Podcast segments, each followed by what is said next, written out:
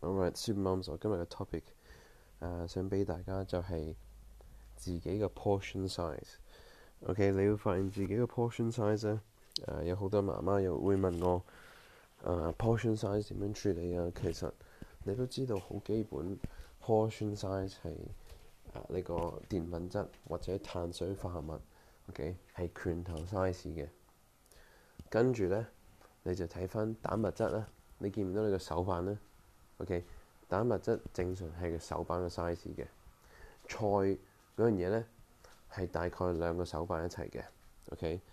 咁有樣嘢我見到大家做錯咧，就係如果出去食嘢嘅時候咧，O.K. 你可能誒嗌嗰樣嘢十蚊雞，我冇咁平啦，誒三十蚊茶餐廳三十八蚊，咁又俾好多，俾好多咧，你又要食晒，因為覺得好抵嘛，係咪？